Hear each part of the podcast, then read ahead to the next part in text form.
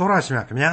မကောင်းသူပဲကောင်းသူကဲဆိုတဲ့ဆိုရိုးစကားဟာခရိယန်တွေနဲ့မကိုက်ညီဘူးလို့ထင်မြင်ယူဆစရာဖြစ်ရပါတယ်။ဘာကြောင့်လဲဆိုတော့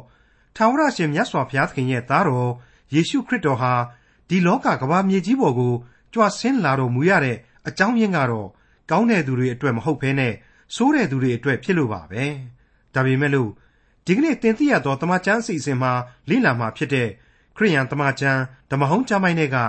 တုတ်တန်ကျမ်းအခန်းကြီး25အခန်းငယ်1ကနေအခန်းငယ်73အထိမှာကောက်နှုတ်ချက်တစ်ခုက မတရားသောသူတို့ကို ရှင်ဘရင်ထံတော်မှပယ်ရှားလျင်အာနာတော်သည်တရားသဖြင့်တည်လိမ့်မည်လို့ဆိုပါတယ်။မင်းပင်ကောင်းလျက်မင်းမြောင်ဖြတ်တာမျိုးမဖြစ်ရလေအောင် မကောင်းသူပဲကောင်းသူကယ်ဖို့လိုအပ်တာကိုအကျယ်တဝင့်တွေ့မြင်ရမှာဖြစ်ပါတယ်။ခရိယန်တွေဟာတာရုတစ္ဆာရှိသောငယ်သားကောင်းဖြစ်ကြဖို့လိုအပ်တယ်ဆိုတာကို တစ္ဆာဆောင်သောတမန်အဖြစ် ဖော်ပြထားပါတယ်။ကယ်တင်ရှင်သခင်ယေရှုခရစ်တော်ရဲ့စေတမန်တွေ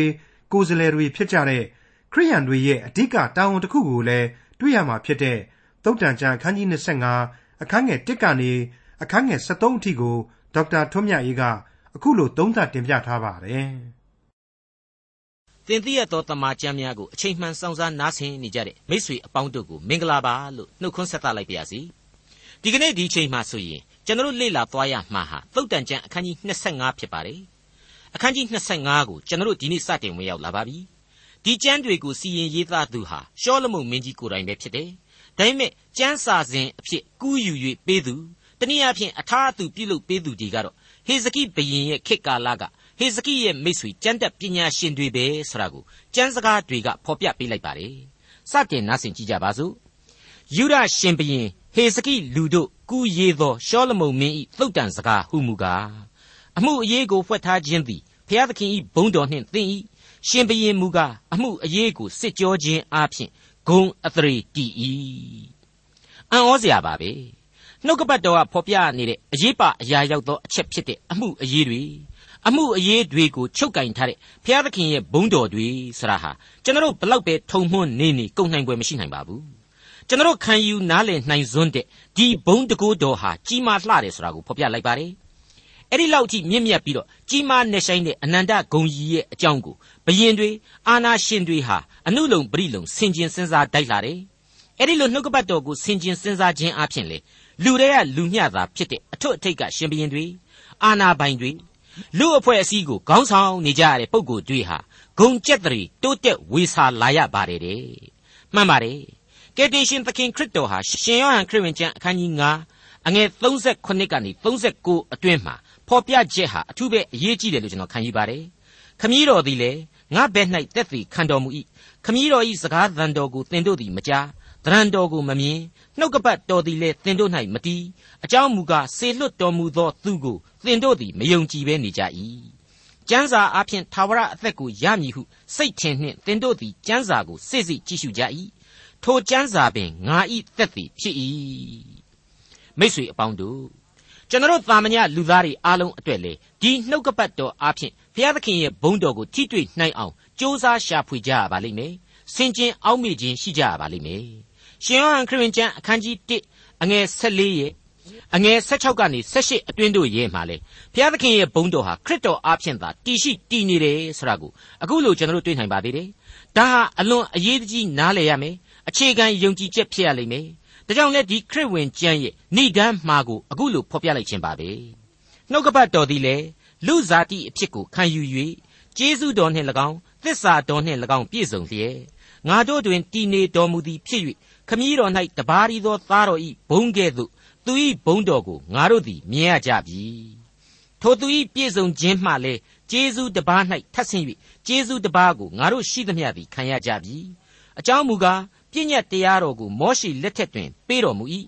ကျေးဇူးတရားနှင့်တစ္ဆာတရားမူကားယေရှုခရစ်အားဖြင့်ဖြစ်သည်ဖျားသခင်ကိုအဘယ်သူမျှမမြင်စဖူးတော်လေခမည်းတော်ဤရင်ခွင်၌ရှိသောတပါးရီသောသားတော်သည်ဖျားသခင်ကိုထင်ရှားစေတော်မူပြီဇာတိပဂရိအပြစ်သားတယောက်အနေနဲ့ခက်ခဲနေနေချင်းရှိနေတဲ့သမာကျမ်းစာတော်မြတ်ကိုဒီအတိုင်းတော့နားမလည်နိုင်ဘူးကိုကအပြစ်သားဖြစ်နေတယ်မဟုတ်ဘူးလားဒါကြောင့်မလို့ဝိညာဏဂုံတတ္တိနဲ့ရှာဖွေရမယ် တနည်းအားဖြင့်တန်ရှင်းသောဝိညာဉ်တော်လမ်းပြခြင်းကိုခံယူပြီးတော့ဖတ်ရှုတိုက်တယ်ဆိုတာကိုကျွန်တော်အမြဲတမ်းသတိပေးနေကြဖြစ်ပါတယ်အဲ့ဒီလိုနှုတ်ကပတ်တော်ကိုဖတ်ရှုလို့ဝိညာဉ်ခွန်အားများတိုးပွားလာတဲ့အချိန်မှလေကိုဟာဒီသစ္စာတရားတော်အတွက်ဘုရားသခင်ကိုပြန်ပြီးတော့စက္ကပ်အနှံပေးရမယ်ယုံကြည်ခြင်းရဲ့အကျင့်တရားရှိရလိမ့်မယ်ဆိုတာဒီကိုရှင်ပေါလုကနေပြီးတော့သူ့တပည့်ကလေးတိမောသေကိုအခုလိုမှာကြားခဲ့ပါသေးတယ်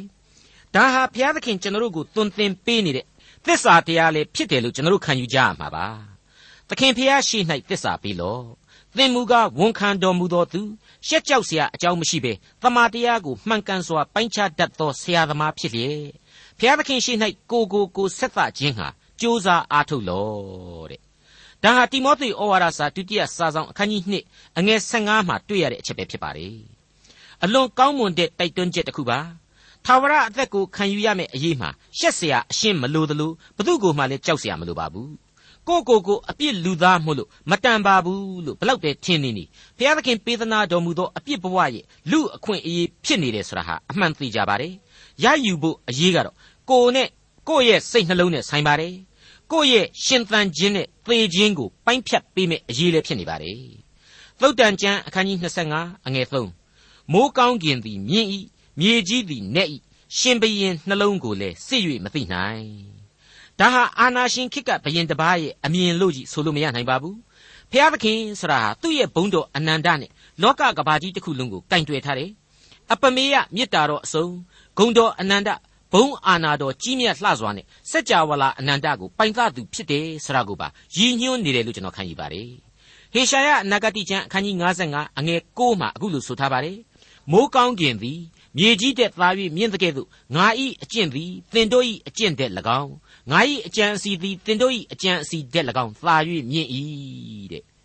လောကရေးရအမြင်နဲ့သာကြည့်မယ်ဆိုရင်ကိုမသိတာတွေများစွာကိုအုတ်ချုပ်သူမင်းအာနာပိုင်တို့ဟာသိနေနိုင်တာကိုဘယ်သူမှမငြင်းနိုင်ပါဘူးထိတ်တန်းလျှို့ဝှဲဆိုတာတွေဟာမင်းအာနာပိုင်ကြီးနဲ့ဆိုင်တာပေါ့ဒါပေမဲ့အဲ့ဒီလောကအာနာပိုင်တွေသိထားတဲ့တာကတော့ သူတို့မသိနိုင်တဲ့ဘုရားသခင်ရဲ့ကျေးဇူးအရေးမှားတာသူတို့ရဲ့ယာစပလင်တွေဟာအိန္ဒိယမပြည့်ယက်တည်နိုင်တယ်ဆိုတဲ့အချက်ဖြစ်ပါတယ်ဘုရားသခင်ပေးတဲ့အခွင့်အရေးအရသာသူတို့ဟာယက်တည်နိုင်တယ်ဆိုတဲ့အချက်ကိုသူတို့နားလည်ထားဖို့ပါပဲသုတ်တန်ကျမ်းအခန်းကြီး25အငယ်၄နဲ့5ငွေတဲကချော်ကိုထုတ်ပယ်လျင်ပရိန်သမားနှင့်တော်သင့်သောဖလားကိုရလိမ့်မည်မတရားသောသူတို့ကိုရှင်ဘရင်ထံတော်မှပယ်ရှားလျင်အာနာတော်သည်တရားအဖျင်တည်လိမ့်မည်မိတ်ဆွေအပေါင်းတို့ ခံယူနိုင်စွမ်းရှိရင်ရှိသလောက်အကျိုးပြုသောကြမ်းတစ်ပိုက်ဖြစ်ပါတယ်ကျွန်တော်မိတ်ဆွေတို့ရဲ့အသက်တာတွေမှာမသူတော်တွေနဲ့ပေါင်းပြီးလို့ကြောက်ကြခဲ့ရတာတွေလူသူတော်ကောင်းတွေနဲ့ပေါင်းသင်းပြီးတော့ဘေးလွတ်ကင်းချမ်းသာရာရခဲ့တာတွေကောင်းကျိုးရှိခဲ့တာတွေစတဲ့သင်ခန်းစာတွေကိုပြန်ပြီးတော့သတိတရားရစီနိုင်လိမ့်မယ်လို့ကျွန်တော်ယူဆပါတယ်မကောင်းသူကိုပယ်ပြီးတော့ကောင်းသူကိုကယ်ရမယ်ဆိုတဲ့ဆိုရိုးစကားရှိပါတယ်အမှန်တော့ကျွန်တော်လူသားဟာဒီအချက်ကိုနားလည်ထားကြမယ်ဆိုရင် ဘုရားသခင်ရဲ့တရားစီရင်ခြင်းဟာလေရှိကိုရှိရမယ်မရှိမဖြစ်တည်နေရမယ်ဆိုတာကိုလွယ်လွယ်ကလေးပဲသဘောပေါက်နိုင်ပါလိမ့်မယ်နောက်တစ်ခုကတော့အုပ်စိုးသူမင်းအာနာပိုင်တို့အတွက်လေအလွန်တရာမှန်ကန်နေတဲ့သစ္စာတရားတစ်ခုကိုတွေ့ရခြင်းပါပဲမင်းပင်ကောင်းလျက်မင်းမြောင်ဖြစ်၏တဲ့ဆိုရိုးစကားရှိပါတယ်အဲ့ဒီမင်းမြောင်ဖြစ်တော့ကို့ဘဝပါပြက်တက်တယ်ဆိုတဲ့အချက်ကိုလေကျွန်တော်ခံယူထားဖို့လိုပါတယ်ကျွန်တော်ကတော့ဒီအပိုင်းကိုအာနာပိုင်မင်းတွေဟာအသေးအချာစဉ်းစားတိုက်လာတယ် မင်းမြောင်ဆိုတဲ့လူတွေဟာလူတွေကလူတွေပဲလူတွေကလူတွေကိုသာအားကိုးပြီးတော့လူအကြံဉာဏ်တစ်ခုတည်းနဲ့သာအာနာကိုကျင့်သုံးနေမယ်ဆိုရင်တော့ဒီအာနာဟာကြာကြာမတည်နိုင်ဘူးအဓိကအားဖြင့်ဘုရားသခင်စကားတော်ကိုနားခံဖို့လိုလိမ့်မယ်ဆိုတဲ့အချက်ဒီနေရာမှာရှင်းရှင်းကြီးသဘောပေါက်ဖို့လိုပါတယ်မတရားသောသူတို့ကိုဖယ်ထုတ်လိုက်ပါအာနာတော်ဟာတရားမျှတစွာနဲ့တည်လိမ့်မည်သို့မဟုတ် အဖဖျားသခင်၏အလိုတော်နှင့်အညီမိမိတို့၏အာဏာတည်မြဲရလိမ့်မည်လို့ဆိုလိုက်ခြင်းပဲဖြစ်ပါတယ်။သုတ်တန်ကျမ်းအခန်းကြီး25အငယ်6နဲ့9ရှင်ဘရင်ထံတော်၌ကိုကိုမချီးမြှောက်နှင့်လူကြီးနေရာ၌မနေနှင့်အကြောင်းမူကားဖူးမြင်သောမင်းရှိမှနှိမ့်ချခြင်းကိုခံရသည်တဲ့ဤရက်သို့တက်ပါဟုသောစကားကိုသာ၍ကြားကောင်း၏ဒူးနေရာဒူးတော်နေရာတော်ဆိုတဲ့စကားရှိပါသေးတယ်အလိုက်သိပါဆိုတဲ့အချက်လက်မမထောင်ပါနဲ့ဆိုတဲ့အချက် အခွင့်အရေးကိုပို့ပြီးတော့မယူပါနဲ့ဆိုတဲ့အချက်တွေလည်းပါဝင်နေပါတယ်အဲ့ဒီသုတ်တန်ဩဝါဒတွေဟာဓမ္မဟောင်းကာလကတည်းကတည်ခဲ့တဲ့ဩဝါဒတွေပါဒါတွေကိုဖျက်ပြီးတော့ကိုကိုကိုအရန်အထင်ကြီးနေလေသူဖာရိရှဲကြီးတွေကိုခရစ်တော်ကိုတော်တိုင်ဆုံးမခဲ့တဲ့အကြောင်းကိုရှင်လုကာခရစ်ဝင်ကျမ်းဟာအခုလိုမှတ်တမ်းပြုခဲ့ပါတယ်ရှင်လုကာခရစ်ဝင်ကျမ်းအခန်းကြီး14အငယ်9ကနေ17အတွင်းမှာပြန်ပြီးတော့ကြည့်နိုင်ပါလိမ့်မယ် ထိုအခါခေါ်ဖိတ်သောသူတို့သည် မြင့်မြတ်သောနေရာထိုင်ရာကိုရွေးကြသည်ကိုမြင်တော်မူလျှင်သူသူတို့အားဥပမာကိုမိန့်တော်မူသည်ကားသူတစ်ပါးသည်မင်္ဂလာဆောင်ပွဲသို့သင့်ကိုခေါ်ဖိတ်သောအခါမြင့်မြတ်သောနေရာ၌မလျောင်းနှင့်ထိုသို့လျောင်းနှင့်သင့်တဲ့သာ၍မြတ်သောသူသည်ထိုပွဲသို့လာသည်ရှိသောသင်တို့နှစ်ယောက်ကိုခေါ်ဖိတ်သောသူကဤသူအားနေရာကိုပေးလော့ဟုလာ၍ပြောလိမ့်မည် ထိုအခါသင်သည်ရှက်ကြောက်ခြင်းနှင့်နှိမ်သောနေရာသို့ဆင်းရလိမ့်မည်သူတစ်ပါးတို့သည်သင်ကိုခေါ်ဖိတ်သောအခါသွား၍နှိမ်သောနေရာ၌လျောင်းလော့ထိုသို့လျောင်းလျင်သင်ကိုခေါ်ဖိတ်သောသူသည်လာသည်ရှိသောအဆွေတက်ပါဟုသင်ကိုဆိုလိမ့်မည်ထိုအခါသင်နှင့်အတူလျောင်းသောသူတို့ရှေ့မှသင်၏အတရီထင်ရှားလိမ့်မည်ကိုကိုကိုချီးမြှောက်သောသူမည်သည်ကနှိမ်ချခြင်းသို့ရောက်လက်တတ်ကိုကိုကိုနှိမ်ချသောသူမည်သည်ကချီးမြှောက်ခြင်းသို့ရောက်လက်တတ်ဟုမိန့်တော်မူ၏ မိษွေအပေါင်းတို့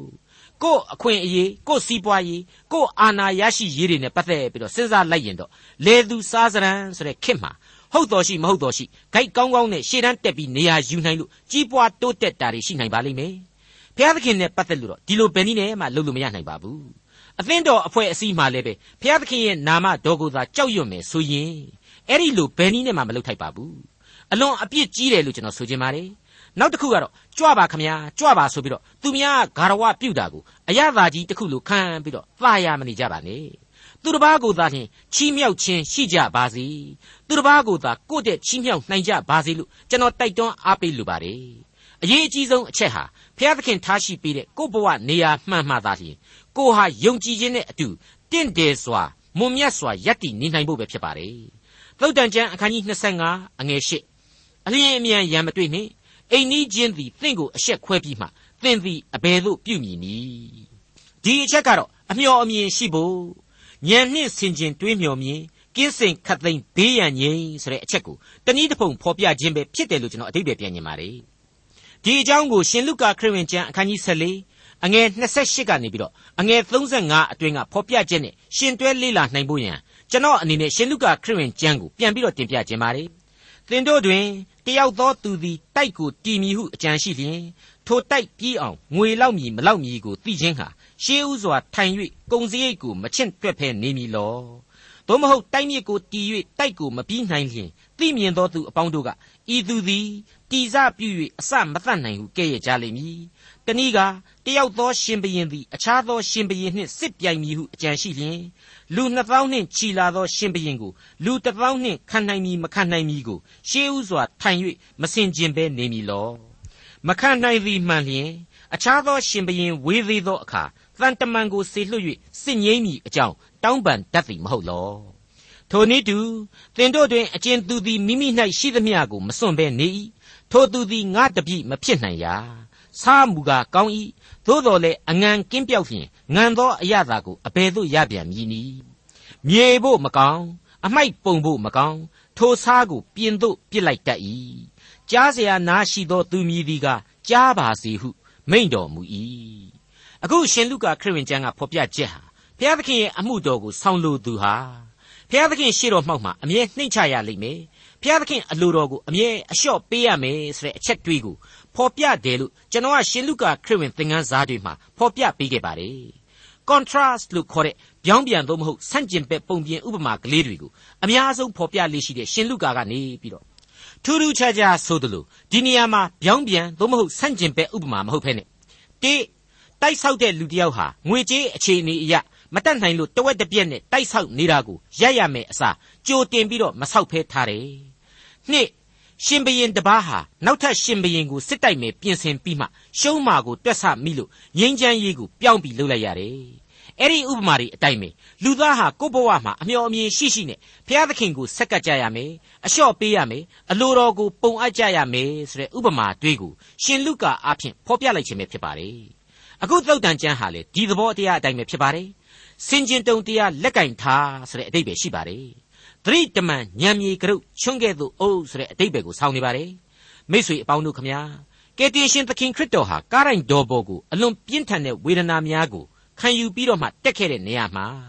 အဆက်ကွဲခြင်းကိုပင်ခံယူခဲ့ရတယ်ဆိုတာကိုကျွန်တော်ဖော်ပြခဲ့ပြီးပါပြီအဲ့ဒီလိုခရစ်တော်အဆက်တကွဲအကျိုးနဲ့ဆိုသလိုလောကဆိုင်ရာဝေဒနာဒီကိုခံယူခဲ့ခြင်းဟာကျွန်တော်မိษွေတို့အတွက်အဆက်မကွဲစေဘူးဖြစ်တယ်ကိုကျိုးမနှဲစေဘူးဖြစ်တယ်ဆိုတာကိုကျွန်တော်ဖော်ပြခဲ့ပြီးပါပြီ အခုသုတ်တန်ကျန်သင်ခန်းစာကဖော်ပြလိုက်တာကတော့အလျင်အမြန်ရံမတွေ့နှင့်အိမ်နီးချင်းသည်သင်ကိုအရှက်ခွဲပြီးမှသင်သည်အဘယ်သို့ပြုမည်နည်းတဲ့မှန်ပါတယ်ကျွန်တော်ခမညာမှာကယ်တင်ရှင်ယေရှုတော်အတွက်ခရစ်တော်ကိုယုံကြည်ဖို့ဆရာဟာမသေးခင်အရှက်မကွဲခင်အချိန်ကလေးမှသာလျှင်အချိန်ရှိနေပါတယ်အချိန်ရှိကြိုက်မှာယုံကြည်ခြင်းတရားလက်ကင်ထားပြီးတော့ဘုရားသခင်ရှေ့တော်မှောက်သို့နှိမ်ချစွာတိုးဝင်ကြပါစို့လို့တိုက်တွန်းအားပေးခြင်းပါတယ် လောကဓမ္မအရာဆိုရင်လေစင်ကျင်တုံတရားလက်ကင်မထားရင်အမှားကြီးမှားတတ်တယ်ဆိုတဲ့သင်ခန်းစာပေါင်းမြောက်များစွာကိုကျွန်တော်အသက်တာတွေမှာအများအပြားတွေ့ခဲ့ကြပြီးပါပြီဓမ္မရာဇဝင်ကိုပြန်ပြီးလှန်ကြည့်လိုက်မယ်ဆိုရင်ဘုရားသခင်ကိုကြောက်ရွံ့ယိုသေးပါတယ်အားကိုးပါတယ်ဆိုတဲ့လူသားတို့ပင်လျင်လောကလူပောင်မှာတော့ရန်တွေ့ခြင်းဟာလျင်မြန်ခြင်းအဖြစ်အမှားကြီးမှားခဲ့ရတယ်အရှက်တကွဲကြီးကွဲခဲ့ရတယ်ဆိုတာတွေကိုတွေ့ရတတ်ပါတယ် အဲ့ဒီအထက်ကတရားတော်ကိုစောင့်ရှောက်ပါတယ်ထာဝရဘုရားထံတော်ကိုလည်းပြောင်းလဲခဲ့ပါတယ်သမိုင်းမှာတော့စံတင်ရမယ်ဘယင်တပားပါပဲဆိုတဲ့ဘယင်ယောရှိဆိုတာဟာလေကိုယ့်ရဲ့နေဆက်ကိုဖျက်ကျော်ပြီးတော့အာရှုရိနိုင်ငံကိုစစ်သွားတိုက်မယ်အဲဂုတ်ထုဘယင်ကိုမစီမဆိုင်ဝင်ပြီးတော့ကြားပြတိုက်ခိုက်တယ်အဲ့ဒါဟာရန်တွေ့ခြင်းဟာအလျင်အမြန်ပြုတ်ခဲ့ခြင်းပါပဲအဲ့ဒီနည်းအားဖြင့်ရင်ကွဲပက်လက်ဖြစ်အောင်လောကရဲ့အသက်ပါလျင်ဆုံးရှုံးခဲ့ရတယ်ဆိုတာကိုကျွန်တော်တို့တွေ့ခဲ့ရပါတယ် ဓမ္မရာဇဝင်စရုပ်ထစာဆောင်အခန်းကြီး23အငယ်28မှ30ယောရှိပြုမှုသောအမှုအရာကျွင်းလေသမျှတို့သည်ယူရရာဇဝင်၌ရေးထားလျက်ရှိ၏ထိုမင်းလက်ထက်၌အေဂုတ်ထုဖာရောဘရင်နေခေါ်သည်ဥဖရမြစ်တိုင်အောင်အာရှုရိရှင်ဘရင်ကိုစစ်ချီ၍ယောရှိမင်းကြီးသည်စိတာချင်းဟာထွက်ရာတွင်မေဂိတ်တော်မြို့မှမင်းချင်းတွေ့သောအခါယောရှိမင်းသည်အသက်ဆုံးလေ၏ ကျွန်တို့သည်ယထာတော်ပေါ်မှတင်ပြီးလျှင်မင်းကြီးသေစဉ်တွင် မေဂိတ်တော်မြို့မှယေရုရှလင်မြို့သို့ဆောင်းသွား၍သင်္ချိုင်းတော်၌သင်ကြကြ၏ပြည်သူပြည်သားတို့သည်ယောရှိသားယောခတ်ကိုယူ၍ဘိသိက်ပေးလျက်ခမည်းတော်အရာ၌နန်းတင်ကြ၏အဲ့ဒီလိုတွေ့ခဲ့ရပါတယ်မိတ်ဆွေအပေါင်းတို့ခမညာပြည့်အစဉ်ပြင်မရတဲ့အထီတော့ရန်တွေ့ခြင်းဟာအလျင်အမြန်မပြုတ်ကြပါစေနဲ့အလော30ဒေါသအမျက်မကြီးကြပါစေနဲ့လို့တိုက်တွန်းနှိုးဆော်လိုက်ပါရစေ သုတ်တန်ကျမ်းအခန်းကြီး25အငယ်6မှ7သင်သည်အိမ်နီးချင်းနှင့်ကိုအမှုကိုဆွေးနွေးလော့ဝှက်ထားအပ်သောအမှုအရာကိုသူတစ်ပါးအားထုတ်၍မပြနှင့်သို့မဟုတ်သူသည်သင်ကိုအရှက်ခွဲသဖြင့်သင်ဤဂုံအထရေသည်အစဉ်ဆုံးနေမည်လျှောက်ပတ်သောစကားသည်ငွေအပြောက်မှစီချဲသောရွှေလျှောက်ချိုသည်နှင့်တူ၏နှုတ်ချိုလို့ရှိရင်ရှို့တပါးပဲ ဆေးဘက်ဝင်နေဆိုတာကိုမြင်ခဲ့ရပြီးဖြစ်တယ်လို့နှုတ်ကြောင့်ဓာတ်နဲ့ထိုးတယ်လို့ဖြစ်ရတယ်အစိတ်သင့်စေတယ်ပျက်စီးစေတယ်ဒါကြောင့်နှုတ်ကြောင့်ကြေစေတယ်ဆိုပြီးတော့ဓမ္မပြောကြတယ်ဆိုတာကိုကျွန်တော်ဖွင့်ဆိုခဲ့ပြီးပါပြီအခုသုတ်တန်ကျမ်းကဖော်ပြတာကတော့မကြေလဲတာများရှိလို့ရှိရင်စကားပြောကြပါညှိနှိုင်းကြပါတဲ့နောက်ကျောကနေဓာတ်နဲ့မထိုးကြပါနဲ့အတင်းအဖြစ်မပြောကြပါနဲ့ဆိုတဲ့သဘောတရားပါဝင်နေပါတယ် အဲ့ဒီလိုအကျဲအကျဲမငိမ့်ပွေတွေတွေ့လာမယ်ဆိုရင်အဲ့ဒီလူကကိုယ့်ကိုပြန်ပြီးတော့လေအဆက်ခွဲကြရောတစ်သက်လုံးခေါင်းမဖော်နိုင်အောင်ဖြစ်သွားရပါလိမ့်မယ်တဲ့နောက်တစ်ပိုက်ဆက်လက်ဖော်ပြလိုက်တာကတော့လျှောက်ပတ်သောစကားသည်ငွေအပြောက်မှစီချဲတတ်သောရွှေလျှောက်ချိုသည်နှင့်တူ၏တဲ့အင်္ဂလိပ်ကတော့ apple လို့ဖော်ပြတဲ့အတွက်ကြောင့်ပန်းသီးလို့ကျွန်တော်ဆိုချင်ပါတယ်ဆရာကြီးဒေါက်တာဂျေဗန်မက်ဂီကတော့ရှောလမုန်ခေတ်မှာကလေးကဣသရေလမြေမှာအလွန်ပေါများခဲ့တဲ့လိမ္မော်သီးကြီးတွေကိုဆိုချင်တာပဲဆိုပြီးဖော်ပြထားပါတယ် အတိတ်ပဲအနှစ်သာရကတော့တင့်တယ်ပြေးပြစ်တဲ့စကားဆိုရေးရှိလို့အချိန်ကာလအလျောက်ပြောဆိုရတဲ့စကားအပေါင်းတို့ဟာမင်္ဂလာရှိတယ်ဆိုတဲ့အတိတ်ပဲပါပဲအတိုင်းတဲ့အလွန်တကွန်နဲ့ကုတ်ကားဖြစ်တယ်ဆိုတဲ့သဘောလည်းပါဝင်နေပါတယ်မိษွေအပေါင်းတို့သင်လျော်လျောက်ပတ်စွာပြောဆိုတယ်ဆိုတာဟာလူအဖွဲ့အစည်းမှာအလွန်လိုအပ်တယ်လို့ကျွန်တော်ခံယူပါတယ်နူးညံ့သိမ်မွေးတာချိုးသားတာကိုကြီးပဲဆိုလိုတာမဟုတ်ဖ ೇನೆ အကျိုးရှိတာထိရောက်အောင်ပြောဆိုနိုင်တာကိုပါဆိုလိုပါတယ်သာသာကလေးနဲ့နာနာနှက်တာမျိုးမဟုတ်သလို့ ချိုချိုပြောရင်ရမယ်စကားမျိုးကိုပဲပင်ကိုဒေါသတွေနဲ့ဆွဲ့ပြီးတော့စိတ်နာအောင်ပြောမိတာတွေမပါပါဘူးအကျိုးသင့်အကြောင်းသင့်ရှိရမယ်သူ့ဘက်ကိုယ့်ဘက်မျှတရမယ်ဆိုတဲ့သဘောတရားပါဝင်နေပါတယ်ကျွန်တော်ကဒီနေရာမှာကျွန်တော်မိတ်ဆွေကြီးတယောက်ပြောဘူးခဲ့တဲ့စကားကလေးတွေကိုသိပြီးတော့သဘောကျမိပါတယ်သူကသူ့အယူအဆတွေကိုပြောတာပါဆရာကြီးတဲ့ကျွန်တော်ခေတ်တလျှောက်မှာလူတွေဟာထက်ခနဲဆိုရင်ရန်ဖြစ်ကြတာရိုက်ကြနှက်ကြတာဒီနဲ့စစ်ကြီးတွေတိုက်ကြတာဒီနဲ့ကျွန်တော်ကြုံတွေ့နေရတာစိတ်မကောင်းဘူးတဲ့ အမှန်တော့ဘုရားသခင်ဟာလူကိုအစွဲပေးမထားဘူးစကားပြောဆိုတတ်ခွင့်ပေးထားတယ်လက်သေးကြီးတွေပေးမထားဘူးစင်ကျင်တုံတရားပေးထားတယ်အစိတ်ရည်တွေပေးမထားဘူးစိတ်ဝိညာဉ်ကိုပေးထားတယ်လူသားကိုအဲ့ဒီလိုတိရစ္ဆာန်လောကနဲ့စီးသားထားပါလျက်နဲ့ဆရာပြောနေကြအတိုင်းပဲအပြစ်သမိုင်းစစ်သမိုင်းတို့ထုံးစံအတိုင်းဘုရားသခင်ပေးထားတဲ့အရေးအချင်းတွေကိုမကောင်းတဲ့ဘက်တွေမှာသုံးပြီးတော့သတ်ကြပုတ်ကြဒါပဲဖြစ်မှာပဲလို့ကျွန်တော်ထင်ပါတယ်ဆိုပြီးတော့သူပြောမှုပါတယ် ဒါဟာအလွန်ကောင်းမွန်တဲ့အယူအဆတစ်ခုလို့ကျွန်တော်လည်းခံယူပါတယ်သူ့ကိုကျွန်တော်ကျေးဇူးလည်းအများကြီးတင်သွားမိပါတယ်စိတ်ဝိညာဉ်နှလုံးသားပါလာတယ်စကားပြောနိုင်တဲ့အခွင့်အရေးတွေပါလာတယ်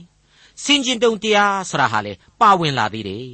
ဒါပေမဲ့အဲ့ဒီကို့မှာပါလာတဲ့အခွင့်အရေးတွေကိုလူသားတို့ရဲ့အပြစ်သမိုင်းဟာအယိုင်းစိတ်နဲ့သာရှင်တွဲပြီးတော့အယိုင်းလန်းစဉ်မှာပဲတသမတ်ထဲကျင့်သုံးလာခဲ့ကြတယ်ဆိုတာကိုကျွန်တော်မငင်းနိုင်ဘူးလို့ကျွန်တော်ခံယူလိုက်ပါတယ် အစွဲပေးမထားတော့ဓားတွေတုတ်တွေတနတ်တွေအမြောက်တွေကိုပေးထားတဲ့လူညံနဲ့တီထွင်တယ်အစိတ်ပေးမထားတဲ့အခါကျတော့ဓာတုလက်နက်နဲ့နျူကလ িয়ার ဓာတ်တွေကိုဖော်ထုတ်ကြတယ်ရဲရဲဆက်ဆက်လှုပ်ကြံတပ်ဖြတ်ကြတယ်လက်သေးကြီးတွေပေးမထားတော့ပါဇက်နဲ့တယောက်ကိုတယောက်ဆဲရီတိုင်းထွာကြတယ်အဲ့ဒီလိုဖြစ်ရကနေလူရဲ့ဝိညာဉ်ရေးတတ္တိတွေဟာအမြဲကျဆင်းနေရတယ်လို့လည်းကျွန်တော်တွေးမိပါတယ်သုတ်တန်ကျမ်းအခန်းကြီး25အငယ်7နားထောင်တတ်သောသူကိုလျှောက်ပတ်စွာဆုံးမတတ်သောသူသည် ရွှေနှောင်းကဲ့သို့၎င်းရွှေစင်တစားကဲ့သို့၎င်းဖြစ်၏တဲ့အခုတွင်ပဲလျှောက်ပတ်စွာပြောဆိုခြင်းဆိုတဲ့အကြောင်းကိုဖော်ပြပါတယ်အခုချက်ချင်းဆိုသလိုပဲလျှောက်ပတ်စွာဆိုဆုံးမခြင်းရဲ့အကျိုးကျေးဇူးတို့ကိုသိသာစွာဖော်ပြလိုက်ပါတယ်ဆက်ဆက်မှုရှိသောဩဝါဒများ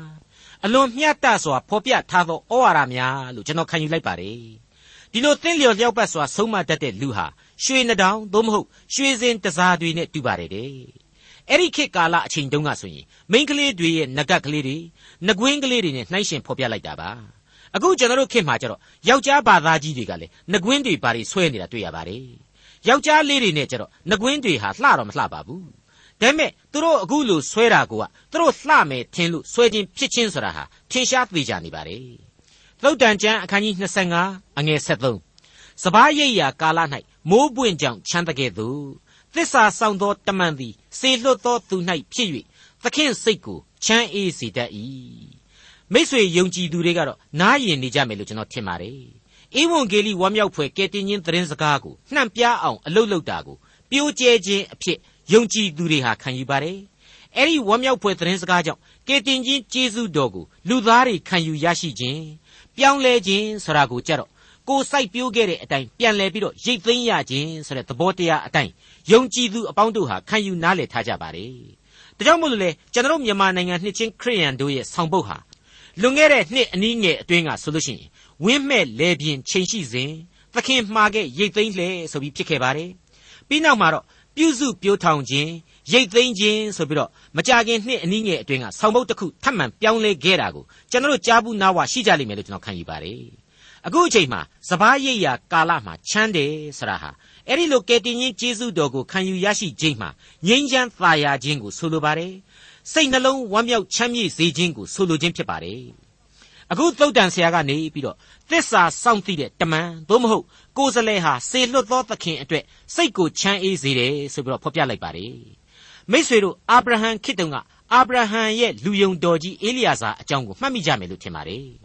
ကပ္ပဦးကျမ်းအခန်းကြီး15ရဲ့အဖွင့်မှာအာဗြဟံက အရှင်ထာဝရဘုရားအကျွန်ုပ်သည်သားမရှိဘဲသွားရပါ၏ဤဓမ္မသက်မြို့သားအေလိယာဇာသည်အကျွန်ုပ်၏အမွေခံဖြစ်ရပါ၏တို့ဖြစ်၍အဘဲကျေးဇူးကိုပြုတော်မူပါမည်နည်းဟုလျှောက်ဆို၏တဲ့သားအရင်မရှိဘူးဒါပေမဲ့အဲ့ဒီမွေးစားသားအေလျာဇဆိုတာဟာအာဗြဟံအတွက်အမွေခံသားတယောက်လိုပဲချစ်ခဲ့ရတယ်